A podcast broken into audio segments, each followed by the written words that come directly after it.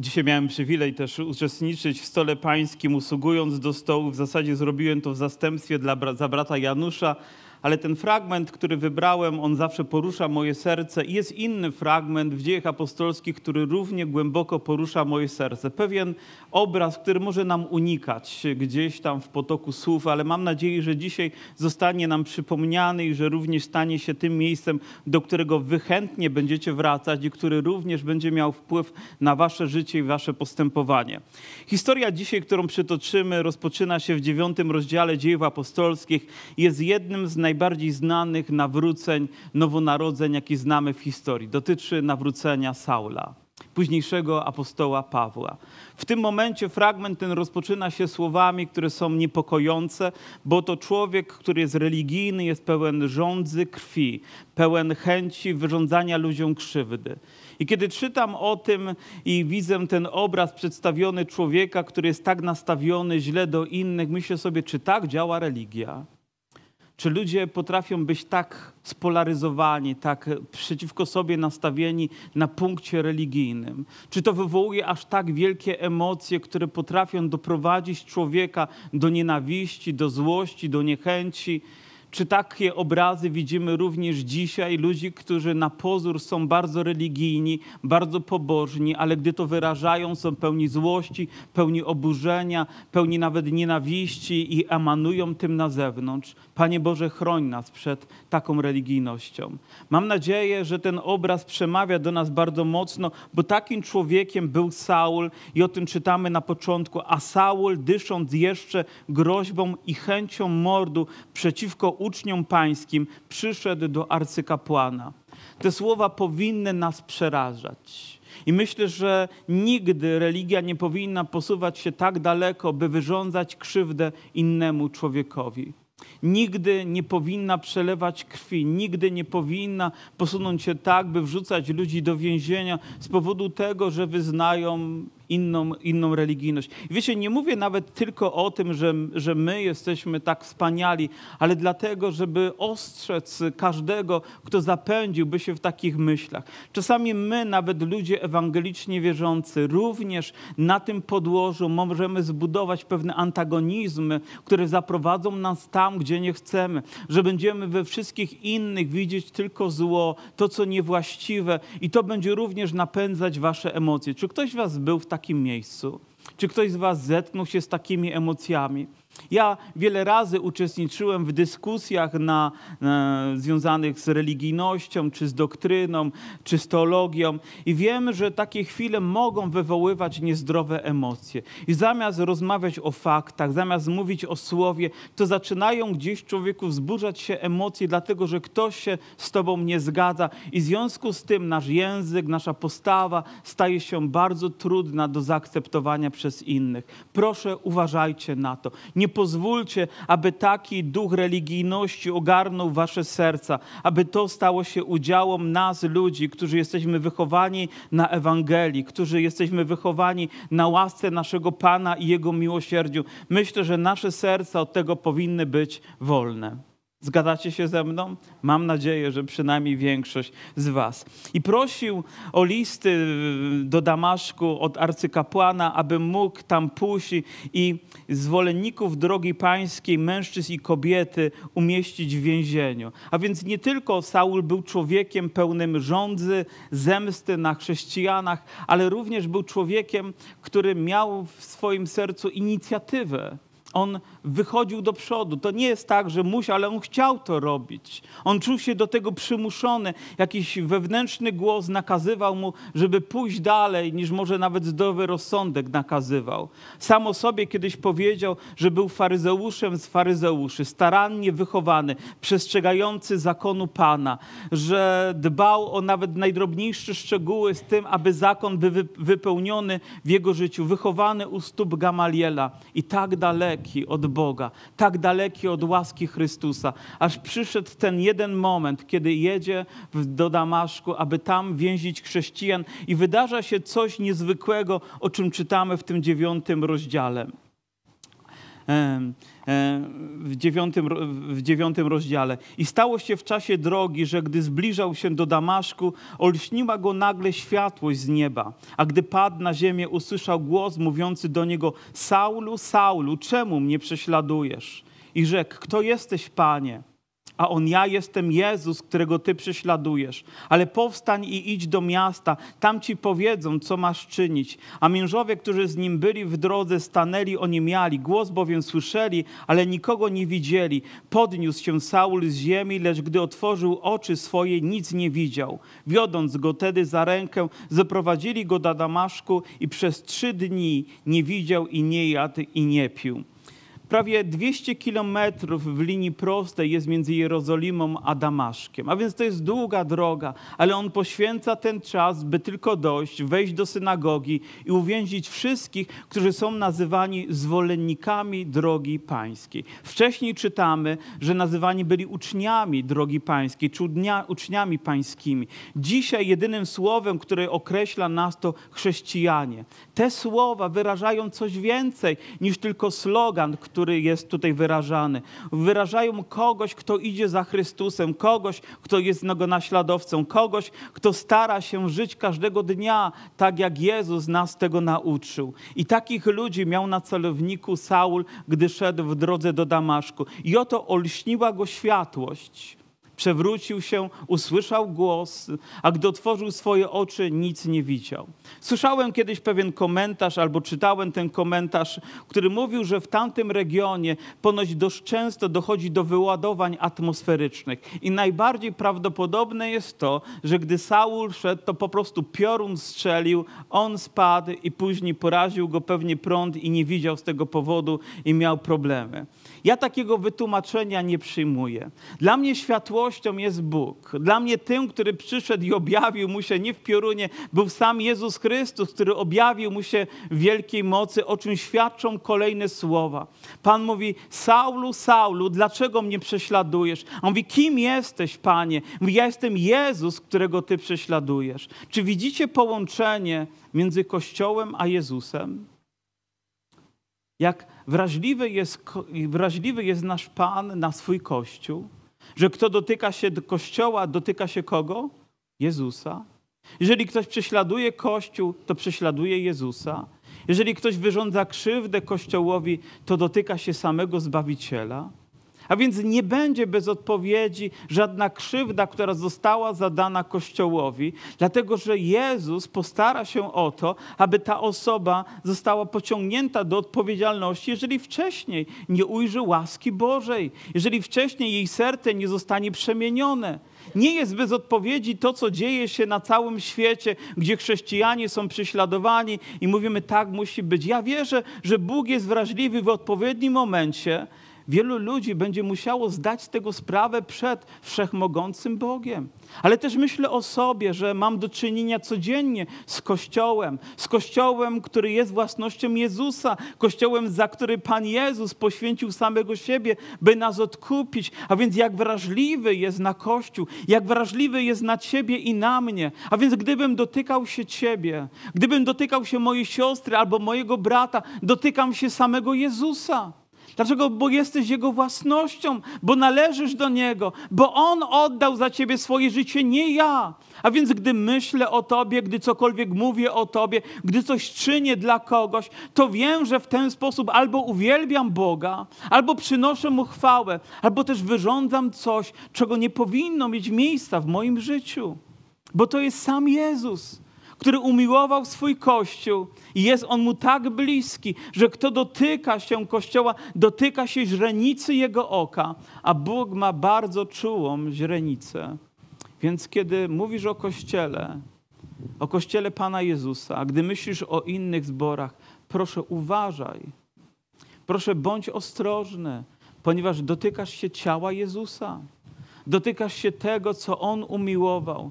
Czasami nasze ludzkie oceny i nasze kryteria mogą być zwodnicze. Czasami nasz fanatyzm może zapędzić się gdzieś daleko i wyrządzać krzywdę. Czasami nasza religijność i nawet ewangeliczna religijność może skrzywdzić innych ludzi. Ale nie o tym jest ten fragment. Oczywiście mówi o tym niezwykłym spotkaniu, jakiego doświadczył Saul, gdy spotyka Jezusa. Gdy czytam ten fragment, myślę sobie, dlaczego nie wydarzyło się to w inny sposób? Dlaczego nie przyszedł Piotr i nie zwiastował Ewangelię e, Saulowi, a ten słyszawszy Ewangelię oddał życie Jezusowi, tylko musiał mieć ponadnaturalne spotkanie. Nie mam pewnie jasnej odpowiedzi, ale myślę sobie, tylko Bóg wie, w jaki sposób dotrzeć do naszego serca, abyśmy mogli go poznać. I czasami nasze ludzkie słowa nie wystarczą. Piotr powiedział kazanie, trzy tysiące ludzi się nawróciło, ale w tym przypadku nie wystarczyło nawet trzy tysiące kazań, żeby nawrócił się jeden człowiek, ale potrzeba było ponadnaturalnego objawienia. Ja wierzę, że Bóg w taki sam sposób spotyka każdego z nas. Nawet gdy jest zwiastowana Ewangelia w takim miejscu jak to, w takiej okoliczności, czy gdziekolwiek byliście, Bóg porusza się wielkiej mocy i przychodzi i objawia nam samego siebie. Na przykład gdybyśmy C.S. Louisa wzięli, człowieka, który również jest bardzo znanym chrześcijaninem na całym świecie, oczywiście odszedł już do Pana, ale pozostawił spuściznę wielu wspaniałych książek. On opowiada o swoim nawróceniu w ten sposób. Wsiadłem z kolegą na motor jako niewierzący, a zsiadłem jako zbawiony, ale musiał go przewieźć. Zsiadł i po drodze gdzieś między jakimś odcinkiem, powiem, oddał, powierzył swoje życie Jezusowi i mówi, wsiadłem w pełni świadomy tego, że powierzyłem moje życie Zbawicielowi. A więc nie było światła z nieba, nie było głosu, ale był wewnętrzny głos, który dotknął jego serca, który przemienił jego życie, bo Bóg w ten sposób działa, dotykając naszego serca i to jest ponadnaturalne. Nie wiem, czy pamiętacie swoje spotkanie z Bogiem. Ja pamiętam bardzo wyraźnie. Dlaczego? Bo nie da się się tego zapomnieć, bo słyszałem zwiastowaną Ewangelię, słyszałem świadectwa i coś zaczęło dotykać mojego serca i przemawiać do niego i świadomość tego, że Bóg tam jest obecny i On jest na zewnątrz, a ja potrzebuję doświadczyć Go wewnątrz w moim sercu, sprawiła, że otworzyłem moje serce i pozwoliłem, aby łaska Boża wypełniła moje życie. I od tego dnia kroczę za Panem Jezusem. To był dzień, który zmienił wszystko, zmienił kierunek mojego życia, ukształtował moje życie. To był proces, który się rozpoczął i trwa do dnia dzisiejszego. I to był właśnie ten moment, kiedy Bóg rozpoczął swoje dzieło. Ale nawet to spotkanie, nawet to, że usłyszał ten głos, to nie było jeszcze wszystko, co Bóg zaplanował dla jego życia. Oto trzy dni był w Damaszku, trzy dni nie widział, trzy dni nie jadł, trzy dni nie pił. A klimat był gorący i z pewnością to spotkanie musiało być dramatyczne, skoro tak wielkie poświęcenie było w jego życiu. A w Damaszku, mm, a był w Damaszku pewien uczeń imieniem Ananiasz. I rzekł Pan do niego w widzeniu Ananiaszu, on zaś rzekł, oto ja, Panie. Znamy już imię Ananiasza. Niestety to pierwsze imię nie jest zbyt chlubne, bo dotyczyło Ananiasza i Safiry i tego, co zrobili, tego, jakie konsekwencje za to ponieśli. Ale imię to imię. W tym akurat, w tej historii ma zupełnie inne znaczenie. I to jest jedna z moich ulubionych postaci w Biblii.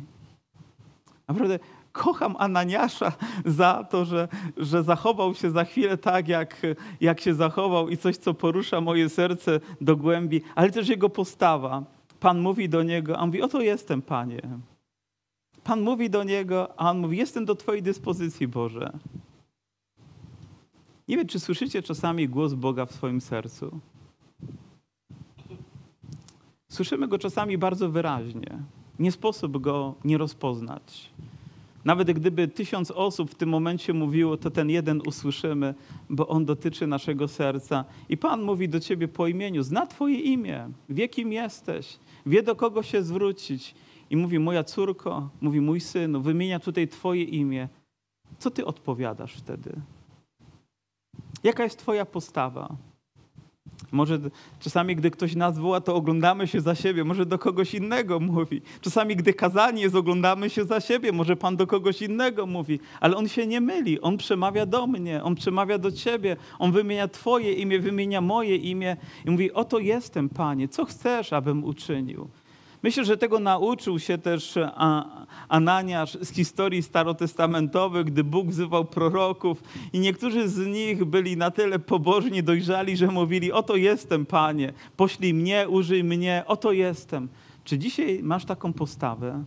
A gdyby Pan dzisiaj chciał coś od Ciebie i powiedział, moja córko, mój synu, mam dla Ciebie słowo. Proszę odpowiedz teraz w swoim sercu, Panie, oto jestem. Panie, jestem tutaj dla Ciebie. Jestem, by okazać Tobie chwałę. Jestem, by okazać Tobie posłuszeństwo. Panie, oto jestem. Ale cena, którą będzie musiał zapłacić, nie jest dla niego osobiście łatwa. Wyrzekł te słowa, bo znał Pana, bo wiedział, że to On do niego mówi i się nie myli. A Pan rzekł do niego: Wstań, idź na ulicę prostą i zapytaj w domu Judy o Saula Starsu, o to właśnie się modli. Wiecie, jak mi się podoba to, że Bóg w tak szczegółowy sposób mówi, a teraz idź na tę ulicę, powiedzmy ulicę Łukasińskiego, wejdź pod numer 7 i tam, będzie, tam będą zgromadzeni ludzie i tam spotkasz kogoś, spytasz o niego, podejdziesz do niego i powiesz mu to, co ja mam ci do powiedzenia. Co, nie, co za niezwykła precyzja. My czasami pojmujemy Boga w taki ogólny sposób i Słowo Boże w taki ogólny sposób. I wszystko w naszym życiu jest takie ogólne. Panie Boże, dziękuję Ci za wszystko. Panie Boże, proszę Cię o wszystko. Amen. I oto nasze chrześcijaństwo. A Bóg jest tak precyzyjny, zna nasze imię, zna adres, zna potrzebę i chce, żeby serce człowieka wierzącego było na tyle otwarte, Zobaczcie, jak trzeba znać Boga, jak trzeba być blisko Niego, żeby usłyszeć ten głos i okazać Mu posłuszeństwo. Idź i zrób to. Kiedy ostatnio przydarzyło Ci się coś tak osobistego?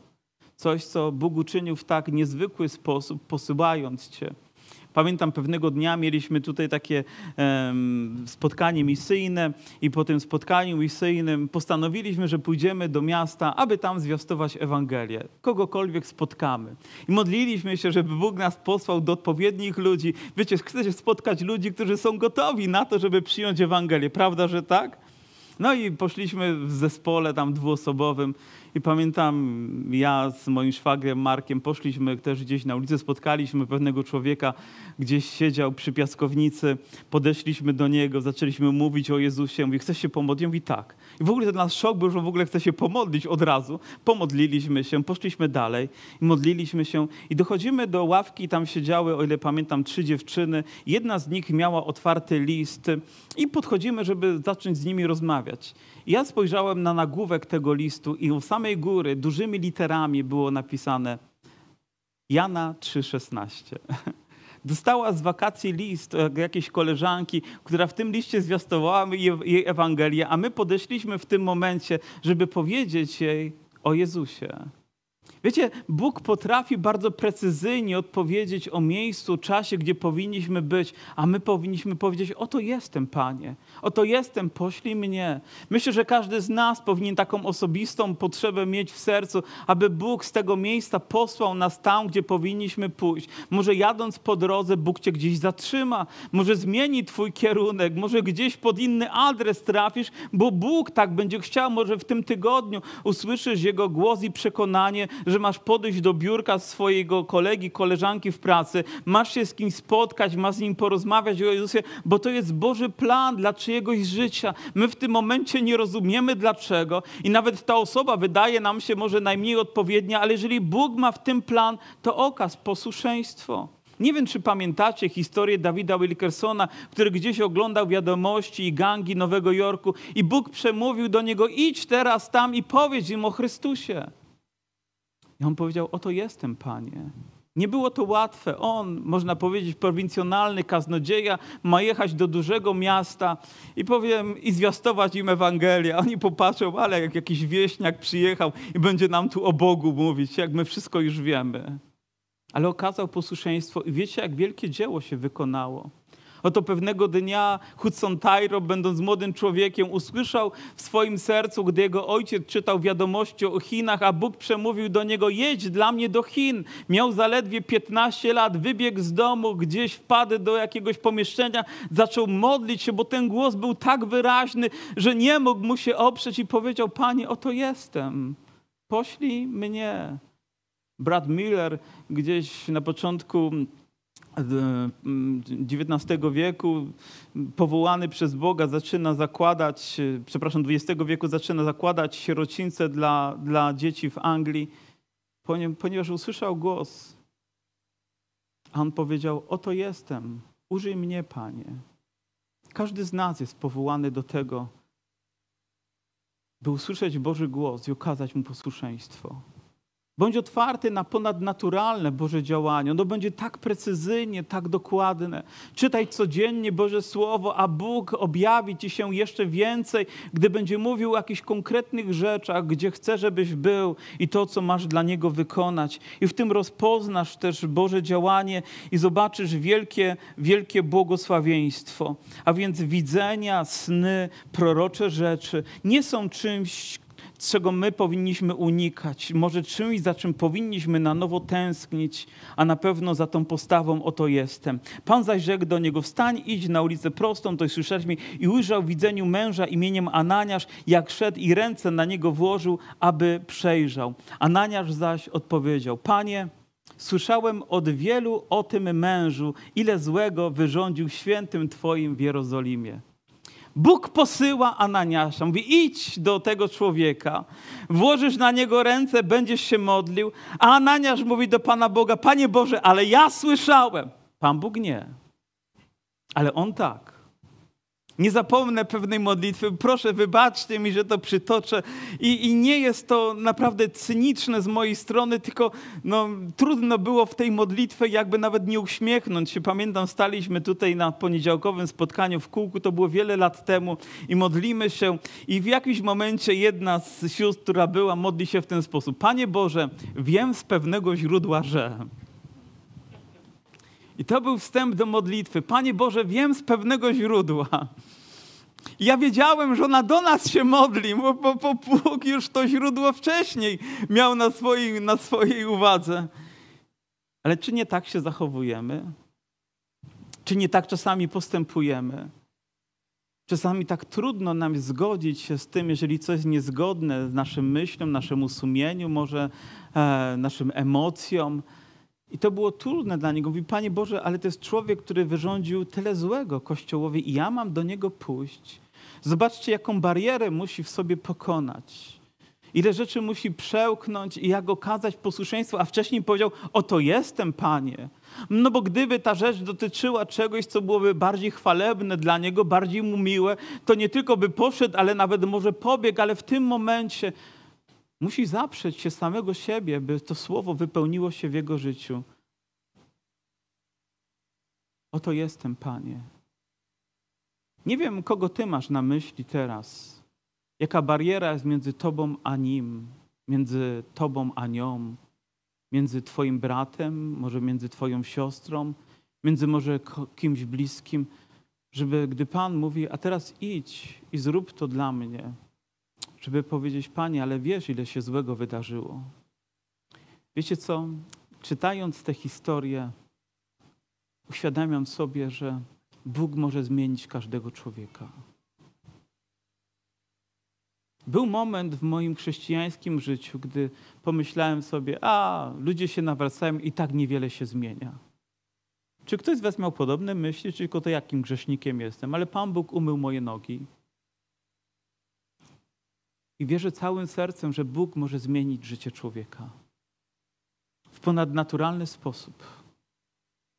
Nawet jeżeli był tak okrutny i pałał tak wielką nienawiścią i wydarzyły się tak dramatyczne rzeczy, na jego rękach była krew, niewinna krew, na jego sumieniu było cierpienie niewinnych ludzi.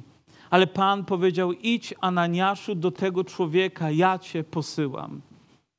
To musiała być cena wielka do zapłacenia, ale porusza mnie to, że Ananiasz wcześniej powiedział: Oto jestem. Oczywiście musiał podyskutować z Panem Bogiem, jak każdy z nas, ale w końcu idzie na ulicę prostą, odnajduje tego człowieka, który ma wizję, że w tym momencie właśnie przychodzi do niego Ananiasz, wkłada na niego ręce i dokonują się tak wielkie rzeczy. I gdyby nie to, to ta rzecz by się nie dokonała, gdyby nie to, tak chwalebna rzecz by się nie wydarzyła.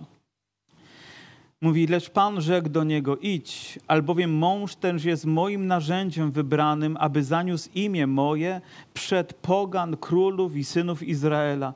Idź, ponieważ ja mam plany większe niż ty sobie wyobrażasz. Ja sam bowiem pokażę mu, ile musi wycierpieć dla imienia mego. Proszę, przeczytajcie głośno gdzieś w swoim sercu wraz ze mną te słowa, ile musi wycierpieć dla imienia mego. Czy widzicie, że chrześcijaństwo to nie tylko sielanka, która czasami jest nam sprzedawana w tak łatwy sposób, ale to również poświęcenie? Czy ktoś z Was godzi się na takie powołanie, na takie nowonarodzenie, które obarczone jest cierpieniem, bólem, może smutkiem, który czasami nas ogarnia? Czy nie tak czasami wygląda Twoje życie? Że jest pełne cierpienia, pełne bólu? A czy to oznacza, że Bóg przestał się Tobą interesować, że Cię zostawił, że Cię nie kocha, że Jemu na Tobie nie zależy? Nie, On Cię wybrał, On Cię powołał, On Cię uzdolnił do tego, a teraz daje Ci siły, żebyś przez to przechodził. I tak jak rozpoczęliśmy też czytanie listu Jakuba w środę, w środę on mówi, tak, przechodzimy przez próby i doświadczenia, podnieś swoją głowę, nie daj się tym złym myślom zdominować, ponieważ Bóg Cię przez przez to przeprowadzi. Taki jest nasz Bóg. Poszedł Ananiasz, wszedł do domu, włożył na niego ręce i rzekł: Bracie Saulu, Pan Jezus, który ci się ukazał w drodze, jaką szedłeś, posłał mnie, abyś przejrzał i został napełniony Duchem Świętym.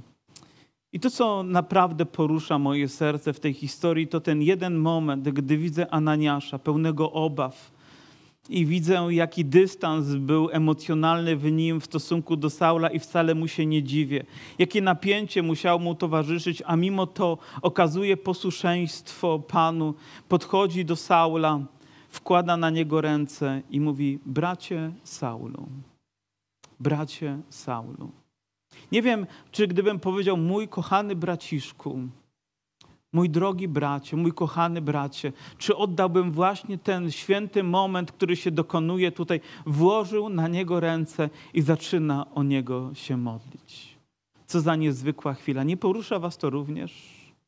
Gdy patrzycie na ten obraz, gdy jest przywoływany, gdy Ananiasz wkłada ręce i zaczyna modlić się o tego zbrodniarza, o tego złego człowieka, ale on spotkał Pana ale Pan mu się objawił, Pan przemówił do niego, a teraz jego wolą jest to, aby ten modlił się o niego, by został uzdrowiony, by został napełniony Duchem Świętym, a później, jak wiemy, też został zaraz, natychmiast ochrzczony i poszedł i zaczął wykonywać Boże dzieło i robił to bardzo skutecznie, zaczął docierać do wielu ludzi. Powiem ci, uczeni w piśmie teraz mieli wielki kłopot, bo pojawił się już nie Saul, ale Paweł, teraz ktoś, kto został przemieniony łaską Boga, ktoś, kto znał pisma, a teraz zasłona została ściągnięta nie tylko z jego fizycznych oczu, ale przede wszystkim z jego serca i potrafił zrozumieć, o czym to mówili prorocy, do kogo się to odnosi, że to jest właśnie ten Jezus, ten wszechmogący Pan objawił mu się w drodze do Damaszku, dał mu się poznać, teraz został napełniony Duchem Świętym i stał się tak skutecznym narzędziem dla Bożej chwały, by zanieść Ewangelię do pogan na cały świat. I za chwileczkę, gdy czytamy koniec tego rozdziału, y, tej historii, dowiadujemy się, że tak był skuteczny, że chcieli go zabić. Mówią, jak to? Przyszedł tutaj, żeby zwalczać tych naśladowców Chrystusa, a teraz staje po ich stronie. Jak to możliwe? I musieli go w koszu spuścić z muru, żeby uratować mu życie. Co za niezwykła historia. Bóg potrafi przemienić życie człowieka. Proszę, nie mów, że tak nie jest. Proszę, nie daj się zaszczepić takiej myśli. Proszę, nie pozwól, żeby ona zdominowała Twój umysł i Twoje serce. Nie, wpad, nie wpadaj w jakąś rutynę swojej religijności. Nie wchodź do zboru i nie, nie oglądaj tylko zła, które się gdzieś dzieje ale wierz w to, że Bóg może zmienić serce każdego człowieka. Ja wiem, ile razy wy modliliście się o to, żeby Bóg przemienił moje serce. Przyznajcie się. Niektórzy wciąż się o to modlą. Wiecie, bo jestem takim samym człowiekiem jak wy, ale wierzę, że Bóg zmienia życie człowieka. Czy zauważyliście, że Bóg też mnie zmienił? Chociaż jedna osoba? Żona podniosła rękę. Po raz pierwszy na nabożeństwie także. Chcę wam powiedzieć, jestem innym człowiekiem od dnia, kiedy się nawróciłem. Jestem innym człowiekiem niż byłem nawet wczoraj. Bo łaska Boża działa wciąż w moim życiu. Ten proces trwa, czasami jest bardzo bolesny, czasami przełamuje samego mnie, czasami kruszy mnie, czasami rozbija na kawałki, ale chwała Bogu za wszystko, co czyni. Oto jestem, Panie. Chciałbym powiedzieć to w imieniu nas wszystkich. Oto jesteśmy, Panie, dla Ciebie. Jeżeli jest jakiś mur antagonizmów między nami a ludźmi, Panie, niech runie w Twoim imieniu. Panie, niech dokona się Twoje dzieło. Prosimy Cię o to. Jakżebym chciał, byśmy jako Kościół byli podobni do Ananiasza. Żebyśmy gotowi byli podejść do człowieka, który najbardziej tego potrzebuje, położyć na niego ręce i teraz się modlić. Wiecie, chcę widzieć ludzi, którzy gdzieś może w pięknych garniturach i cudownych samochodach zatrzymują się gdzieś przy skrzyżowaniu, widząc człowieka w potrzebie, nie odwracają swoich rąk, albo idąc przejściem podziemnym, nie odwracają głowy, ale podchodzą i modlą się o tego człowieka.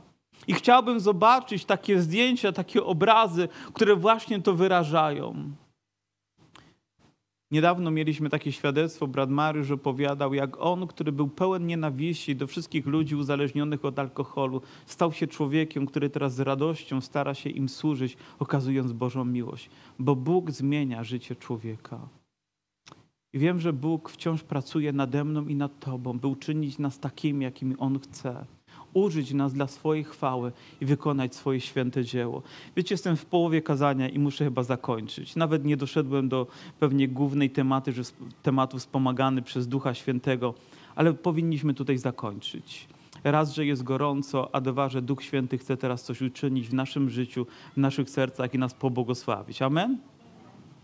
Nie wiem, czy mówicie amen dlatego, że kończymy, czy dlatego, że Duch Święty działa, ale jedno i drugie może być dobre. Pochylmy nasze głowy.